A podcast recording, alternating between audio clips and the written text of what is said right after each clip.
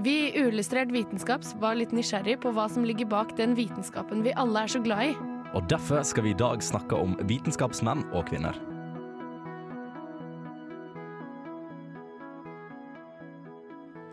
Hallo, hallo, og velkommen til denne ukens Uillustrert vitenskap.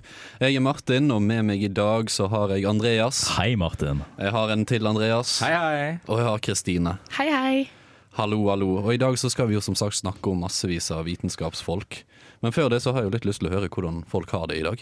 Jeg har det ganske bra. Du har det ganske bra. Uh, som vanlig. Eller som i det siste, heter det vel kanskje på fint norsk. Uh, veldig bra. Flott. Ja. flott. En fin dag. Litt mye kaffe.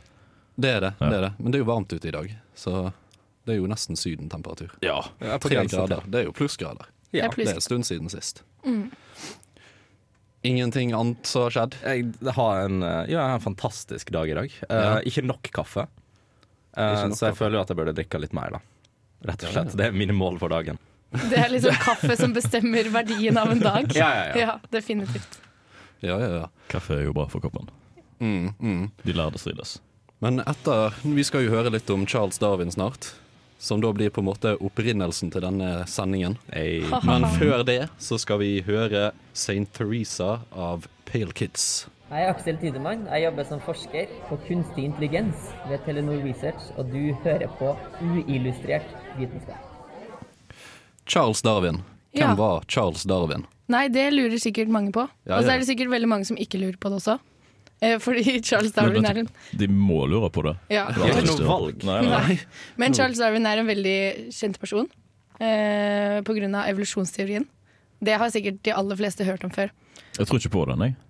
Og du gjør ikke det, Nei. nei? Kan du fortelle meg litt om hvorfor jeg skal tro på dette? Ja, jeg kan fortelle deg det. Ja.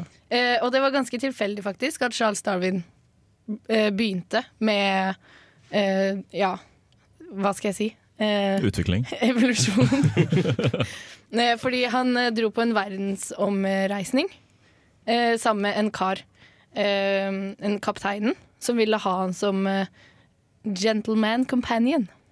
Fordi kapteinen har ikke lov Kapteinen har ikke lov til å snakke med mannskapet sitt. Ikke det? Så derfor oh, ja. er det veldig Eller hadde ikke da på den tiden. Og derfor var det veldig vanlig for at kapteinene ble ensomme, og at de derfor tok livet sitt fordi de var ensomme. Så derfor ble Charles Darwin med, da, sammen med den kapteinen, fordi Charles Darwin var utdannet. Han var utdannet teolog.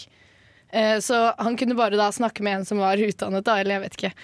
Og eh, hadde en eh, høy stilling i samfunnet. Fordi han kunne ikke snakke med noen som var under hans rang. Det var ikke greit. Nei, det var ikke innafor. Og da, har da har du en kompis på båtturen. Ja. Ja. Og derfor ble Charles Darwin med, og han var veldig interessert i natur. Så derfor så syntes han det var veldig gøy, og de reiste rundt, og de så på masse ting. Og fossiler. Charles Darwin så på veldig mange, mange fos, fos, ah, fossiler. eh, geologi. Eh, og eh, disse berømte finkene hans, da. Som han så på på øyer. Eh, som danner, er på en måte det klassiske eksem eksempelet på evolusjon. Eh, fordi det var slik at det er en eh, Det er noen finker da eh, som bor på forskjellige øyer. Mm. Og ut ifra hva de spiser, så er de litt annerledes. De er for det meste like, men de er litt annerledes. Eh, for eksempel så har de litt annerledes utformet nebb, avhengig av hva de spiser. Ja, så det utvikler seg til å være bedre på å spise den type mat, da, som de kan ha lett tilgjengelig. Ja, for noen av disse finkene har et overlappende territorium, men de spiser forskjellige ting, så derfor så vil de da kunne leve sammen, fordi de har da forskjellig nebb og eh, tar i bruk forskjellig mat. Eh, og han så ikke bare på disse finkene, da, men det var finkene og masse andre ting som han så, som eh, gjorde grunnlag for at han hadde lyst til å skrive boka, da, 'Artenes opprinnelse', som, eh, som eh, først tar opp eh, tema. Ja. Mm. Det la grunnlaget for hele greia, hele Ja. teorien. Eh, og det morsomme er at egentlig så hadde han tenkt å skrive en, en veldig lang avhandling om dette her. En, en kjempelang bok hvor alt kom samtidig. Hvor alt var, var sånn Alt han lærte om eh, naturen på den eh, turen, skulle havne i en sånn svær, sånn lang eh, avhandling. Men eh, så var det en kar da, som het eh, Wallace, som, fant, eller som oppdaget på en måte evolusjonen på omtrent på samme tid. Som Charles Darwin. Men rakk han å publisere det før? Eh, greia er at de var venner. Ah. Så eh, kjære Wallace da sendte et brev til Darwin og skrev sånn Hei, se hva jeg fant. Eh, dritkult, ass. Eh, evolusjon og greier. Eller de kalte det ikke da, eh, det akkurat da. Eh, og så og så, og så tenkte Charles Darwin at oi, shit, nå må jeg kjappe meg. Så derfor skrev han et sammendrag. Og sammendraget er da artenes opprinnelse. Å ja. Og hvis noen har sett artenes opprinnelse, så er den ganske tjukk. Det er ganske stor bok. Eh, men det er da sammendraget. Og han brukte da resten av livet sitt egentlig på dette her. Eh, og på å studere meitemark, Han var veldig god på det. hvis noen lurte. Men greia er at eh, han, fikk, eh, han møtte litt motstand da, med dette her, fordi at eh, det er noen som ikke tror på evolusjonen. Fordi akkurat imens eh, dette foregikk, i, i den tiden, så var det slik at eh, de aller fleste tenkte at Gud skapte alt slik det er, og det har aldri forandret seg. Og, det, det var vært altså, verdenssynet veldig lenge, da. Eller var verdenssynet veldig lenge. Ja, og hele greia var at ting var uforanderlig. Eh, og det brøyt veldig Darwin med, fordi han sa at alt skjer med gradvise endringer over tid. Mm. Og mm. det var derfor på en måte det møtte den store motstanden. Fordi at det er veldig mange i dag som både tror på religion og evolusjon samtidig. Jeg tenker at Det er jo veldig interessant uh, i forhold til Darwin at han har jo liksom bakgrunn som teolog. Ja, Og da har han jo på en måte synet fra si, begge sider. Da, så han kan faktisk Han kan faktisk hente informasjon fra både forskningen sin og ja, begge deler. ja, og det virker som om han klarte å konkludere på en måte med, med det òg, da. At det Vet du hva, det kan faktisk hende at det, alt dette her oppsto på en eller annen måte, og så har naturen på en måte fått det til å endre seg, og det er liksom greit fordi at det, eh, fordi at det går hånd i hånd, på en måte, da. Mm. Um, og at det, det, sånn fikk han det til å gi mening for seg selv, da. Ja. Men vi skal videre litt på genetikk og Mary Lyon, er det sånn vi uttaler det? Jeg vet ikke, men vi okay. satser på det. Ja, vi satser på det. Men høres fransk ut. Gjøres det. Ja, du får det her. Har du noen gang lurt på hvorfor det bare er hunnkatter som kan ha tre farger? Eller være oransje og svarte samtidig? Kanskje ikke. Men det lurte i hvert fall Mary F. Lyon på. Hun forsket på noe helt annet, egentlig. Nemlig radioaktiv stråling sin effekt på mutasjoner i mus. Og fikk derfor mange ulike mus med ulike mutasjoner. Hun så da at det bare var de kvinnelige musene som hadde enkelte fargemønstre, og slik oppsto hypotesen om X-kromosom-inaktivering. Men alle store vitenskapsmenn og -kvinner begynner et sted. For Mary var dette stedet England i 1925. Allerede som barn fattet hun interesse for realfag og studerte derfor zoologi, fysiologi, organisk kjemi og biokjemi, og tok doktorgrad på genetikk. Dette på en tid der det var uvanlig med kvinner på universitetet, og kvinner bare fikk en såkalt titulær grad. Ved siden av forskningen på mus var hun aktiv i fagmiljøet, og bidro til faglig kommunikasjon via nyhetsbrev, og å danne et felles begrepsbruk for genetikere. Derfor ble hun en viktig person når det kommer til utformingen av fagfeltet genetikk, et relativt ungt fagfelt på den tiden. Scientists, scientists, for some order. Some order, please, with the eyes forward and the hands neatly folded and the pang. Exactly three. Ja, for hva var det Lyon gjorde innen eh, genetikk? Det er sikkert noe dere aller fleste ikke egentlig har hørt om engang. Eh, som noe som jeg Både personen og studiet, eller bare studiet? Begge deler. Ja. Eh, fordi det her er sånn nisjeting som jeg interesserer meg for. da. Men jeg tenkte jeg skal prøve å forklare det slik at, eh, slik at andre kan få glede av det. Mm. Mm. Fordi eh, de aller fleste vet at eh, jenter har to X-kromosomer, mens gutter har et X og et Y. Ja. Mm. Så da i teorien så får jenter dobbelt så mye X som gutter. Fordi at det er jo det samme på de to X-kromosomene. De Ja. er jo like. Um, men så er det slik at det går egentlig veldig bra, eller Altså, det blir jo litt rart, men det går ganske bra når eksempel hvis gutter har to X-kromosomer, to X og en Y. Det er det ingen som merker. Uh, som oftest. Eller hvis eh, Jo, nei, ja. Ja, altså, det. det merkes ikke hos gutter hvis de har to X og én Y. Jo, forresten, det merkes Det- ganske godt, ja, men det det går det egentlig ganske bra.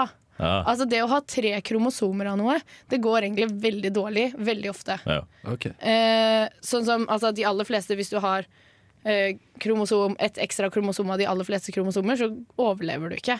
Altså Det er bare de med 3 av 22 som Nei, 21 som overlever. Og det er jo de som får Downs. syndrom. Ja. Ja. Eh, så derfor er det egentlig ganske sjeldent, men det går ganske bra å ha ett X-kromosom. Relativt bra, og det går ganske bra å ha for mange X-kromosomer. Og hvorfor det? Eh, og det er fordi det ene X-kromosomet blir på en måte inaktivert. Det- Sånn at det ikke fungerer på full effekt, eller sånn at det ikke fungerer i det hele tatt? Det fungerer halvveis. Ja. Det fungerer litt fordi at det går galt hvis du bare har ett. Eh, det går ikke sånn veldig galt, men det går litt galt. Ille nok. Eh, sånn at man merker det, da. Ja. Eh, men eh, Men eh, ja, hva skal jeg si. Eh, og så er det slik at eh, det er enkelte sykdommer som er kjønnsbundne, dvs. Si at de ligger på X-kromosomet. Og veldig ofte så får ikke kvinner de sykdommene. Det er bare menn som får de. Og så er det liksom sånn, OK, men hvorfor det? Så var hun en av de første som fant ut at, eh, at hos pattedyr så inaktiveres det ett tilfeldig kromosom. Bare skrus av en eller annen gang i fosterlivet. I alle cellene. Sånn at eh, ja, du unngår den uh, effekten, da, rett og slett. Ja. Helt eh, og da, da er det veldig tilfeldig hvilket som skrus av eller ikke, så du ender opp med 50-50, da. Eh, Er det ett som er verre enn det andre å skru av? Nei. Nei. det- Altså, du har 50% har eh, X-kromosom 50% av alle cellene i hele kroppen til alle kvinner Ja. er eh, Eller skal det være, da. Er eh, skrudd av. Eh, eller 50 er, er det fra mor skrudd av. Hos 50% er det fra far skrudd av. ah. ok. Og dette fant hun ut av, og dette er veldig viktig for veldig mange moderne sykdommer da. og tilstander. Ah. Spennende, spennende. Men vi skal bevege oss over i atomenes verden og snakke om Nils Bohr etter at vi har hørt Chi- eh, Etter at vi har hørt hvilken? Jo, Cheetah Tongue av The Wombats. Jeg heter Solveig Hareide. Du hører på Uillustrert vitenskap. Mange kjente og litt ukjente vitenskapsmenn og -kvinner har forandra alt med verden. Hvordan vi ser den, hvordan vi tolker den, og ikke minst hva vi kan gjøre med det vi har. Veldig mange store navn seiler gjennom historiebøkene, men jeg har valgt å fokusere på to veldig viktige personer.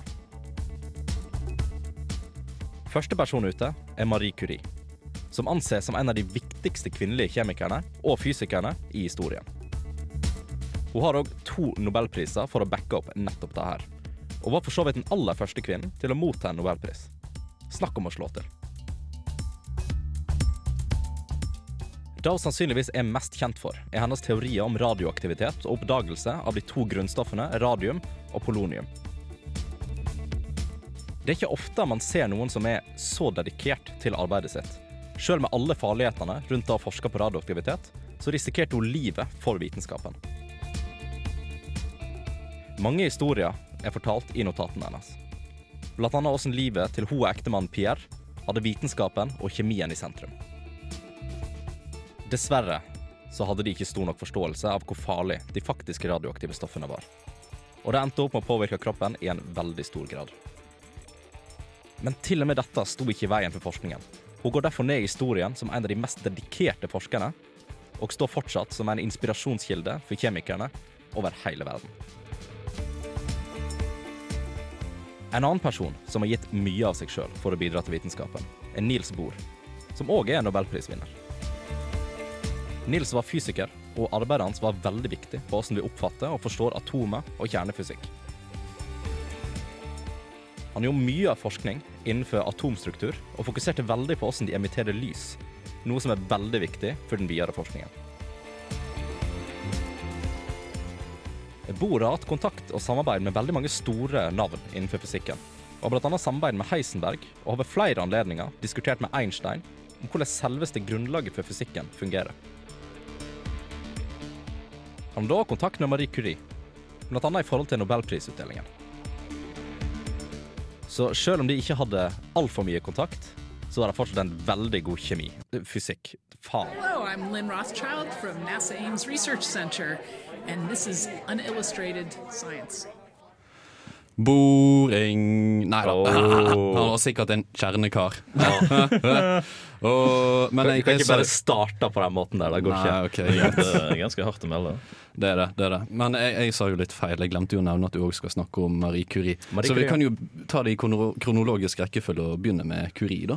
Ja, eh, og Curie, sånn som jeg nevner, var jo i hvert fall det jeg anser, og som veldig mange andre anser, som en av de mest dedikerte eh, forskerne. Egentlig som hvert fall Ja, for hun var ikke redd for å bli skitten. For Nei, for sånn. hun var altså, ikke- gikk inn uh, uten hansker og Ja, altså det, armene bretta opp. ja, det er avbilda Bokstavelig talt. Ja, hun er til og med avbilda med type kolber. Der hun bare, eh, kolber som inneholder radioaktive stoffer, Ja. som hun bare holder med hendene. Ei. ja, det gikk jo ikke så fint, det.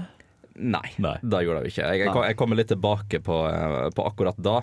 Men uh, det som var veldig greit, og det som på en måte kickstarta hennes karriere, da, eh, det var jo at hun på slutten av 1800-tallet, når hun jobba mest med dette, her, og begynnelsen av 1900-tallet, så var det når vitenskapen var jeg vil, så jeg vil si det i størst utvikling. Det var utrolig mange teorier som ble utforma, og folk begynte liksom endelig å få en forståelse av den type moderne vitenskapen, mer forståelse for grunnstoffene, atomer, hvordan verden fungerer. Ja. Så da at hun liksom slo til akkurat der med å komme med disse teoriene, det sånn passa helt perfekt. Oi, oi, oi. Eh, og hun, uh, hun starta jo uh, relativt rolig. Det ble blant annet eh, invitert til å jobbe med Lippmann uh, for å studere magnetisme i stål. Det har blant annet jobbet med. Eh, og det var jo der òg hun møtte eh, sin kule ektemann, uh, Pierre Curie. Eh, og det var jo de endte jo opp med å jobbe utrolig mye, utrolig mye med nettopp dette med radioaktivitet. Uh, og det hun oppdaga liksom i sitt arbeid, uh, det var at noen stoffer kunne avgi elektromagnetisk stråling. Og det var ikke så lett å forklare, men, en, men eneste forklaringen på det var at det var noe som skjedde inni selve atomet. Ja. Og da kom hun liksom frem med at kanskje det er noe som eh, har en ustabil kjerne. Og så, eh, og så utvikla det seg. Men det gikk jo ikke Det gikk jo så, som nevnt da ikke så veldig bra. Nei, altså Nei, når du omgås med radioaktive og farlige stoffer uten verneutstyr, så vet vi jo nå i dag at det ikke går så bra. Ja. Men eh, når du er førstemann ut og skal leke med disse tingene, så er det vanskelig å vite uh, hva som egentlig er ille. Nettopp. Var det ikke det de også fant Var det ikke det hun også tenkte litt Fikk litt nyss om da etter hvert uh, i løpet av sin karriere? At uh, hun fant ut at dette her kan kanskje være helseskadelig. Ja. Og startet et sånt arbeid for å beskytte arbeiderne på dette forskningslaboratoriet da, Mm. mot strålingen. strålingen. Men da var det dessverre litt for seint. Ja, og tiltakene de, de var kanskje ikke helt eh, 100% sånn som vi ville gjort i dag. De fikk f.eks. Eh, anbefalt å spise sunt, Mm. trene og ta seg regelmessige pauser. Ja. Så det var, okay. de var litt inne på det, De var, ikke de var helt. litt inne på det. Ja, Ja, altså Regelmessige pauser må ikke eksponere så mye for det, er jo der. Ja. Eh, Resten, det, kan, det er ikke sikkert det funka. da. Nei. Nei. For da hun eh, da blant annet gjorde det, som gikk veldig mot måten folk tenkte på atomer var, det var at de alle var alle tenkte at selve atomet det var uforanderlig. Det var umulig at det da kunne forandre på seg, for det hadde la grunnlaget for alt i hele universet. Og så kom hun og bare nei, fuck you. og så skjedde jo da tragedien med at hun døde av um, høy eksponering av radioaktivitet. Ja. Og da blant annet, hun merka det veldig på slutten av livet at hun ble prega av altså, nyresvikt, leversvikt. Hun ble blind en periode, og så kom det tilbake igjen, og så ja, Ja. gikk det ikke så veldig bra. Stråling er farlig. Det er Stråling det er er rett og slett farlig. Visse typer stråling er farlig. Visse typer stråling er farlig. Ikke alle typer. Veldig viktig å spesifisere. Spesielt radioaktiv, da. Kanskje vi skal ha et eksperiment her i studio en gang. Vi, vi, Ja, bare, eh, vi andre Ja. står langt unna, og du står her inne. jeg står her og leker meg med radioaktivitet. Men jeg må jo nesten jabbe bitte litt om uh, vår venn eh, Bor. Ja. Ja. Niels Bohr. Eh, vår kule danske. Ja, ja. Eh, som Ja, som jeg nevnte på, på slutten av saken min òg, så møttes jo han og Curie i nobelpris og sånt sammenhenger, da. Så oh, ja. de, har jo, de har faktisk hatt kontakt med hverandre. Men Bohr er òg Han er veldig kjent for sitt arbeid altså rundt kvantefysikk og fysikk. Han fikk jo nobelprisen i fysikk. Og han er òg veldig kjent for å ha krangla med Einstein. Ja, for de var veldig uenige på De var veldig uenige. veldig mange premisser. Ja, Hva var de uenige om? altså når, når det kom til grunnlaget av selve kvantefysikken, så var vel et begrep som eh, Einstein oppfant sjøl. Hvis ikke jeg tar det feil. I hvert fall hans krets, holdt jeg på å si. Hans krets, ja, kanskje. Ja, eh, det ble, det ble oppfunnet før Bohr begynte å forske på det. da selvfølgelig. Men Det Bohr mente, var at det var gjort en del målefeil i oh, ja. måten kvantefysikken var oppbygd på. Så han kom og bare eh, Nei, dette gidder jeg ikke. og så, for at han kom da, mente han kommer med atommodell, Bohrs atommodell er jo veldig kjent. Mm. Eh, og han mente da at eh, i stedet for måten det var sett på før Nå husker jeg ikke helt navnet Det var sånn determinert eller en måte Einstein veldig mye mer låst- fastlåst. ja. Ja. Men han mente at uh, elektronene uh, var nødt til å bevege seg uh, rundt selve kjernen i veldig spesifikke mønster. Og det var det som på en måte utgjorde Det er det veldig kort forklart av hans atommodeller. Ja, det, dette var Bohr som mente Dette var Bohr Ja. som mente, ja. Eh, så det var jo da en kontrast til Ja, til det Einstein mente. Mm. Eh, og han mottok jo òg en, eh, en, en, en del saftige priser. Ja, blant annet Nobelprisen og så den der, hva heter elefantmedaljen. Det er, Elefantmedaljen. ja, det er et eller annet sånt. Og så ble han vel eh, gjort om til hva det heter, ridder. Eller noe sånt. Så Ridder veldig mange Mm. grader, sikkert. Ja, ja. kul fyr. Kul fyr. Ja, det er ikke alle som kan skryte på seg at de har kranglet med Einstein. Men nå skal vi høre om noe som òg kan lede til litt krangel, og det er Don't Speak French av Rab Moe og Pasha. Hi, this is James Grime from Numberphile, and this is Unillustrated Science.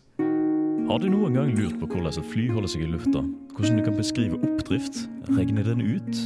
Beskrive tap av energi og endring i trykk fra en fluidstrømning gjennom et rør? Jeg har. Ah, vel, for noen av de greiene jeg nevnte. For mange gløsingers store glede var det en sveitsisk vitenskapsmann ved navn Daniel Bernoulli, som levde fra 1700 til 1782. Han utledet veldig mange av de ligningene som brukes i dag i anvendt fysikk og beskrivende matematikk, og la grunnlaget for mye av sannsynlighet og statistikkregningen vi kjenner til i dag.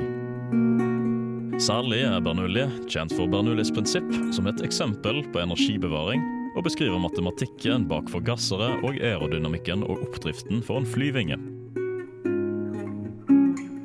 Daniel Bernoulli samarbeider med Euler, en annen meget kjent matematiker, og sammen utforsker de fysiske prinsipper om fluidstrømninger. Særlig ville det undersøke forholdet mellom et fluid hastighet og trykket det skaper avhengig av denne hastigheten, noe som senere ble brukt innenfor veldig mye av kardiologien, der leger over hele Europa målte blodtrykket hos pasienter ved å stikke glassrør inn i blodårene på pasientene. Heldigvis har vi siden seint 1800-tallet brukt andre, mindre smertefulle prinsipper. Hans definisjon for energibevarelse fortelles oss som sagt om grunnlaget for oppdrift, og hvorfor det i hele tatt er mulig at et massivt objekt som et fly kan sveve i lufta. Det var velkjent at et legeme erstattet dets kinetiske energi for potensiell energi når dens posisjon øker med høyde, noe som han oppdaget at fluidpartikler delte egenskaper med. En partikkel med et fluid erstattet dets kinetiske energi for trykk, hvilket betydde at dersom hastigheten øker, så fikk vi et trykkfall. En flyvinge bruker dette prinsippet, og er designet slik at luften det separerer, skiller i et område over vingen, som har lavere trykk enn luften i området under vingen, som da skyver vingen oppover.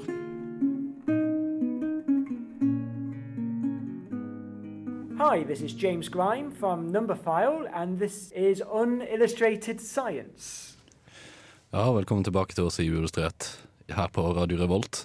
Og Berno, Bernoulli Bernoulli. Bernoulli, Bernoulli, er? Bernoulli, ja, han, kjenner, Jeg kjenner jo han igjen fra den gangen jeg strøk fluid. Ja, du gjør det, ja. Han er, han er en eh, hyggelig kar, han òg. Ja, ja, ja. Veldig viktig for alle som tar fluidmekanikk. Fordi Ja, ja. så å si halvparten av pensum er jo å bruke Bernoullis eh, ligning på ulike eh, ja, trykkmålinger, da, Mm. rett og slett. En veldig um, rolig leksjon i fysikk.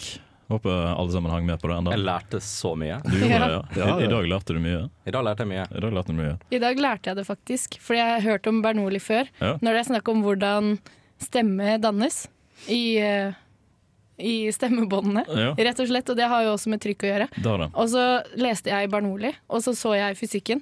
Og så tenkte jeg det trenger jeg ikke kunne. Men nå kan jeg det. Det er bra. Eh, eh, som sagt så er jo han en veldig Eller i hvert fall for folk som studerer fysikk og har jobba litt med fysikk, så er han en veldig kjent uh, vitenskapsmann. Eh, kanskje ikke så veldig kjent for alle andre. Uh, Nei, du, som- vi lærer ikke så mye om det på medievitenskap. Nei. Men du skal, du skal jo du skal liksom, når du legger ut uh, TV-sender, skal du legge trykk på publikum. Ja, Ja. Så det er jo sikkert noe. Kan du bruke hans eh, formel for energibevaring til å holde intensiteten hos publikummet gjennom sendingen? Jeg skal se hva jeg klarer å fikse. I, ja. Nå er noe dere lurer på om Bernulle, som jeg kan fortelle dere. Hva farger han på håret? Vet du hva? Han eh, ble ganske gammel, så jeg lurer på om han begynte å få grått hår etter hvert. Ja. Uh, for jeg han, han var på. faktisk i 82 år. Uh, så gammel ble han. Ja, riktig. Ja. Kult. Fra Sveits. Fra Ja, Sveits. Fra Sveits. Fra Sveits. Men hvis man skal bruke Bernoulli i medievitenskap, Ja. kan man da gå ut ifra at starthypen er neglisjerbar? Det kan man gå ut ifra. Ja, Men, ok. mm, I noen tilfeller. Ja. Det spørs, hvis, hvis de har gjort en dårlig markedsjobb eh, på forhånd, ja. så kan du eh, neglisjere uh, starthypen. OK. ok Ja. Da vet jeg det. Fordi den er så mye mindre enn slutthypen. Ja, ja det er sant. Nei, det var det jeg hadde om uh, Nils, Bo uh, Nils Boria. Nils Daniel Bernoulli. det var det du hadde denne gangen? Ja, ja, det var det jeg hadde denne gangen. Ja, ja, men da kan vi jo egentlig bare hoppe videre Vi til, videre. til eh, Tsiolkovskij og Werner von Braun. Ja. To kjente folk innen raketteknologi. Men før det så skal vi jo høre Moon River med Frank Ocean. Det skal vi. Absolutt. Få mennesker i historien har ligget så langt forut sin tid og møtt så mye motgang som Konstantin Edvardovic Tsiolkovskij. Tsiolkovskij ble født i 1857 i Isjevskoje i det russiske imperiet. Som barn fikk han ikke lov til å begynne på grunnskolen pga. hørselsproblemer han hadde pådratt seg under en skarlagensfeberinfeksjon i tiårsalderen. Han var derfor i stor grad selvlært og utviklet tidlig en interesse for matematikk og fysikk. Allerede i tenårene begynte han å tenke på romfart, som kanskje ikke høres så spesielt ut, med mindre man husker at dette her var sent på 1800-tallet. Som 19-åring ble han hentet hjem igjen av faren sin, som var redd for at han ikke skulle klare voksenlivet alene etter at han hadde blitt kjent med at Konstantin regelmessig gikk overarbeidet og utsultet. Solkovskij jobbet deretter en stund som lærer i en liten by kalt Kaluga, hvor han gjorde mye av sine oppdagelser og arbeid, selv om han geografisk sett lå langt unna de store russiske utdanningsinstitusjonene.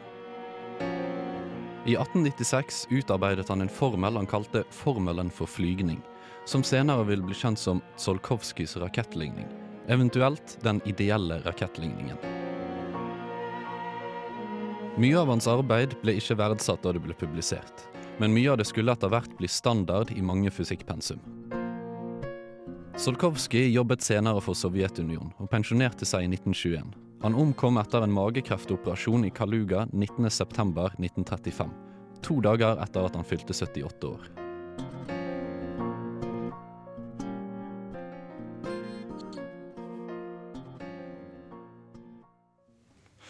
Ja, Tsiolkovskij.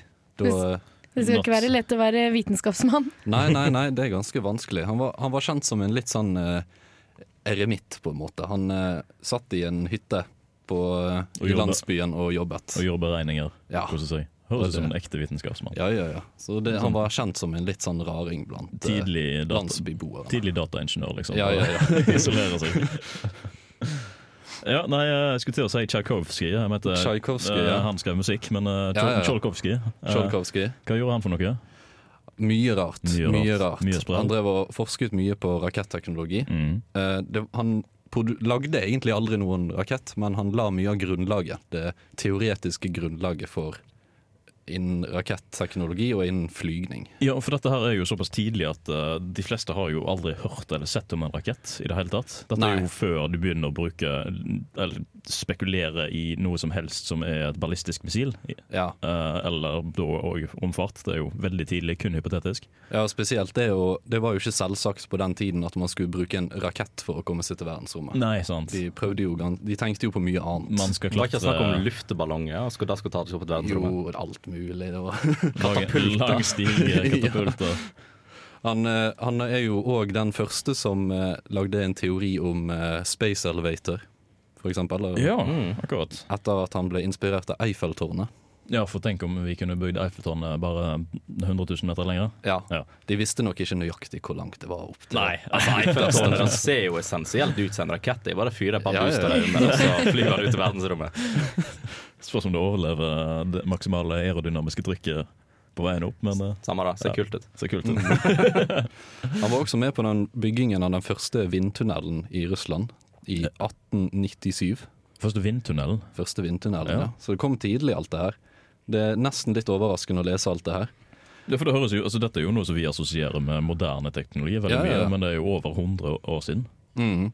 Han tegnet òg et romskip som Skal vi si han, Og han luftslusen skal han visst òg ha tenkt på, eller tegnet. Ja, for Man så for seg at det skulle være et vakuum av et slag, eller sånn i tilfelle du ikke kunne puste. Ja. Litt sånn, For et undervannsfartøy så er det jo obviously at det må han sluse. Ja. Ja. Så han jobbet mye med konsepter, rett og slett. Og han Ja. jobbet mye med konsepter innen luftfart, luftskip. Mm. Eh, men på en sånn aeronautikkongress i eh, St. Petersburg i 1914 så ble planene hans litt dårlig mottatt. Ja, lo av han og dette her høres helt crazy Tror ikke, det, tror ikke det var så gal, men det var litt sånn lunken. Ja. Brydde seg ikke. Nei, Uh, og 1914, det var jo òg verdenskrigen startet. det var litt viktigere fokus enn uh, Ja, det var, nok det. det var nok det. Så han var jo litt skuffet, men han gikk jo da over til å prøve å bekjempe fattigdom istedenfor. Ja. Så det var jo Veldig nobelt. Ja, ja, ja. Og det jobbet han med fram til kommunistene tok makten i 1917. Eller frem til revolusjonen. Ja, så tre år. Ja, tre år. Og etter kommunistene så jobbet han som videregående skolelærer til han fikk eh, pensjon mm. av Sovjet. Og pensjonist var han helt fram til Han døde. helt til han døde. Han har hatt et veldig givende liv i den forstand. da. Altså, han har fått deltatt mye rart, men Altså, Ja. ja. Til å være eremitt som eh, bodde i hytten og gjorde Men det så Det var òg si et veldig tragisk liv. Han Ja. hadde en sønn som tok sitt eget liv. Uff. Og eh, datteren ble arrestert før revolusjonen for å ha vært med på eh, revolusjonistiske aktiviteter. ah, Så ble arrestert av tsarstyret. Og han mistet òg veldig mye av arbeidet sitt i en flom. Ja, riktig. Så de to første tiårene på 1900-tallet var ganske uh, harde personlig for han. Mm. Men han har jo på en måte fått uh, det er vel si det er nesten samme behandling som veldig mange store vitenskapsmenn og -kvinner. Det er jo nettopp det at arbeidet ikke blir satt skikkelig pris på før etter, Ja. etter hans død. Ja. Men jeg, for jeg søkte opp litt sånn populærkulturreferanser med han, og han har jo blitt nevnt, og de snakker jo mye om han i alt mulig rart. ja, ja. Eh, altså blant annet så har han jo blitt Han ble konsultert eh, i sin pensjonstid, da. eh, for de skulle lage en russisk science fiction-film, og de ville bare ha hans input på det. ja, jeg har hørt om det. Mm. Jeg har hørt om det. Og bildet, det henger bilder av han på eh, ISS, på den russiske delen av Ja. Oh, riktig. Mm. Det er jo den største æren, holdt jeg på å si. Ja, ja, ja. Det vil jeg absolutt si. Og det var jo litt når russerne kom inn i Tyskland i 1945, så fant de en av bøkene til eh, Konstantin eh, på Eller Tsjolkov- Tsiolkovskij Mm. på en av de rakettinstallasjonene, fylt opp med notater skrevet av eh, ingen andre enn Werner von Braun. Og jeg tenkte vi skulle høre litt om han nå. Ja. Werner Magnus Maximilian Freiherr von Braun ble født i 1912 i en tysk adelsfamilie i Wirsitz, Tyskland. I dag Wirsysk, Polen. Von Brauns interesse for astronomi kom etter at han fikk et teleskop av moren sin etter konfirmasjonen, og ble senere interessert i raketter etter å ha blitt inspirert av Max Valier og Fritz von Opel sine fartsrekorder i rakettdrevne biler. Han slet i begynnelsen med matematikk og fysikk på skolen, men endte opp med å jobbe videre med fagene etter at han fant ut at han ville jobbe med raketteknologi. Senere tok von Braun en ingeniørgrad i mekanikk og en doktorgrad i fysikk. Doktorgraden ble tatt etter at nazistene kom til makten, som ledet til at mye av doktorgradsavhandlingen hans ble holdt hemmelig for offentligheten av den tyske hæren.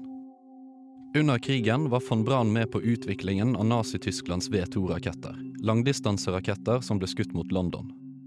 Da tyskerne tapte krigen, overga von Braun seg til amerikanerne og ble flyttet til USA sammen med 1600 andre tyske forskere. Der var han med på å få USA sin første satellitt til verdensrommet. Og når gruppen hans ble assimilert med NASA, jobbet han som sjefsarkitekt for Saturn V-raketten, som fraktet Apollo 11 til månen. Han bodde i USA helt til hans bortgang i Virginia i 1977. Sjefen for Apollo-programmet, Sam Phillips, sa en gang at han tviler på at amerikanerne noensinne ville nådd månen uten von Braun. Von Brauns arv innen romfart er omfattende. Men med hans tidligere tilknytninger til Nazi-Tyskland fortsetter han for mange å være en kontroversiell figur.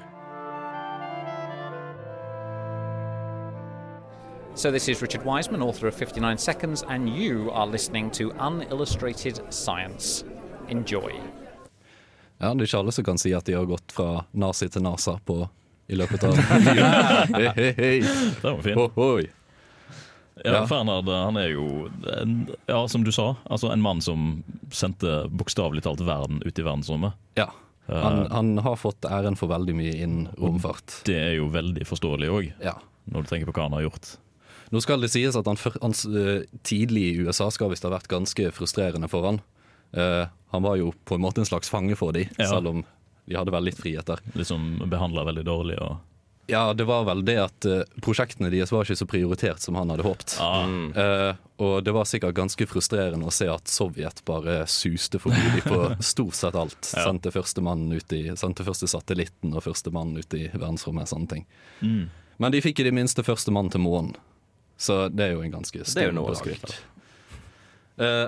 han dro annet til Antarktika på en ekskursjon i 66 til 67 for å forske litt på det å bo på andre planeter. Ja. Se overlevelse på andre planeter. Hvordan man skal bygge baser og litt sånn forskjellig. Eh, og han eh, jobbet i NASA helt fram til 1972, da interessen for Apollo-programmet begynte å forsvinne. Og da forsvant jo pengene òg etter hvert. Mm. Uh, og deretter så jobbet han i et annet firma i de siste tre årene. SpaceX. Nei, Jeg husker ikke helt hva det firmaet het. Jeg husker ikke helt. Kan jo hende. Hvem vet. Hvem vet? tidlig, tidlig. Tidlig SpaceX. Og han, han så for seg at, eh, at eh, Saturn 5-raketten kunne kanskje inn i løpet av 80-tallet få den første mannen til Mars. Det var ambisiøst. Det var ambisiøst. Men sånn sett så er jo raketten kraftig nok. Den har jo eh, Nesten kraftig nok, kanskje. Den har jo altså omtrent Ja. samme thrust som Falcon Heavy-raketten har. Ja, det, Eh, og den har jo da klart å få et objekt slengt ut hele veien dit. ja. Jeg vil egentlig anbefale folk der hjemme søke opp Saturn 5-raketten. Da kan dere få opp et bilde av Werner von Braun ved siden av raketten. Den er gigantisk. Jeg hadde ikke sett for meg at den var så svær. Åh. At man kan stå oppreist inni jetmotorene, liksom. Hoppe opp og ned inni der. ja, du kan, Det altså, sånn du kan ha sak. to voksne menn i høyden omtrent inni én av motorene. Ja, Det er sjukt. Diameteren er så stor. Det er faktisk sjukt. Svær. Uh, ja, ellers så er det jo litt usikkert på det med ja, hva som skjedde under krigen. Jeg vet ikke helt om det er noe diskusjon som kanskje passer til dette programmet. Eh, Politiske. politiske og sånne ting. Jo, men altså, i, i veldig mange i sånne tilfeller så er det mye informasjon som forsvinner bare pga. at, ja, det er Ja. store ting som skjer. Det, ja. Det er det som blir satt med videre og, og huska Mm. for Ja. framover. Mm. Og eh, det var jo der han eh, på en måte måtte jobbe med våpen, f.eks. Ja. Og det var jo der det startet med de her V2-rakettene, f.eks. De brukte jo mye av de samme raketteknologien som senere ble brukt i, eh, i både de russiske og de amerikanske rakettene Ja, senere riktig. under den kalde krigen. Men det har også ganske mye å si eh, hva slags Eller det beviser på en måte hvor mye det har å si hva slags tid, eh, hva slags politiske strømninger og hva, slags, hva som skjer i verden rundt forskningen også. For det har så mye å si med tanke på finansiering og hva, hva man gidder å forske på, og hva som man syns er spennende å forske på. Mm. Og hvor mye omgivelsene egentlig påvirker vitenskapen. Krigstid så er det jo veldig typisk at det er våpen og gjerne da eksplosjonsting. Type missiler og raketter som eh, Ja, altså at de etter andre verdenskrig begynte å forske veldig mye på radioaktivitet. ja. Og hva det Så gjør med mennesker. Konsekvensene av eh, atomkrig osv. Ja, sånne ting. Ja. Men vi kan jo høre en ny, ny låt, og det er All My Fears med Shitkid. Av og til kan det være vanskelig å finne fram til riktig fun fact. Derfor har vi samla mange funfacts på ett sted, slik at det blir lettere for deg å finne fram til riktig funfact. Funfact Fun illustrert vitenskap. Og vi har jo litt grann fun facts eh, på lur helt på slutten. På si. Radio Revolt. Eh, på Radio Revolt. Eh, eller ja, før vi kommer så langt som det, så har vi jo noen honorable mentions, da. Ja, ja, ja. Det finnes jo en million milliarder trilliarder, ikke så mange kanskje, et par, par tusen, som er verdt å nevne, i hvert fall av vitenskapsmenn. Mm. og Og som vi- kvinner. Og Og kvinner eh, som vi ikke har prata om, rett og slett fordi vi har snakka mye om det tidligere. En god del av Ja, dem. Ja. ja. Og fordi vi rett og slett ikke har tid til å nevne alle de kule. Det er veldig viktig, og det finnes mange norske vitenskapsmenn. eh, Nils Henrik eh, Abel, f.eks., Mm. som har også eh, i nyere tid fått en pris oppkalt etter seg for Mm. matematikk.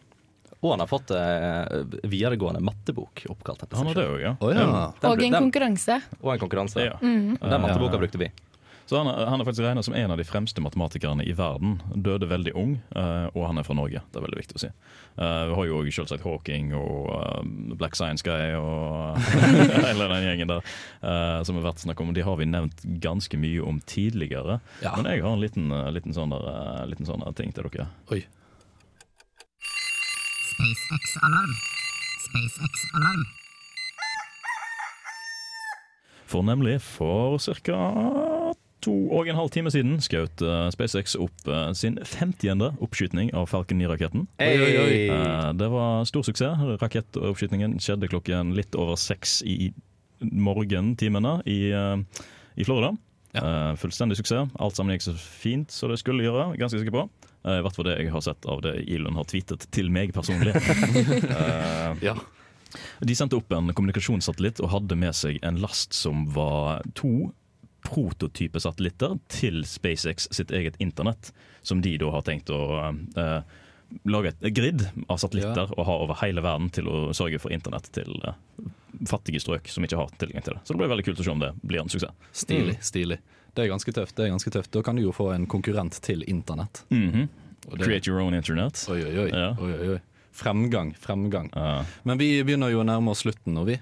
Det gjør vi. Det gjør vi. Så det gjenstår vel egentlig bare for meg å si takk for meg, og takk for uh, Takk for oss. Takk for oss. Takk for Andreas og Andreas og Kristine òg, som var med meg i dag. Ja. Takk til dere. Jeg har et spørsmål, Martin. Ja. Hvor finner vi sendingene våre hvis vi har lyst til å høre? Vel, du kan jo finne de som podkast på bl.a. Spotify og en haug andre steder. Ja. Men hvis du vil høre sendingen i sin helhet, så kan du finne den på radiorevolt.no. Det kan du gjøre òg. Det kan du gjøre òg. Hvis du lurer på noe, så kan du jo sende oss en liten, eh, et lite spørsmål på Facebook. Vi finnes der òg. Der heter vi Uillustrert vitenskap, forresten. Ja. Spør om hva du vil. Hva du vil, og vi kan ikke svare på det. for Det deg. kan hende vi kan svare. Ja. Muligens. Muligens. Mm. Ja, ja. Men uh, da skal vi høre 'Tryllefløyten' av Fjorden Baby. Takk for oss. Takk for oss. Takk for oss.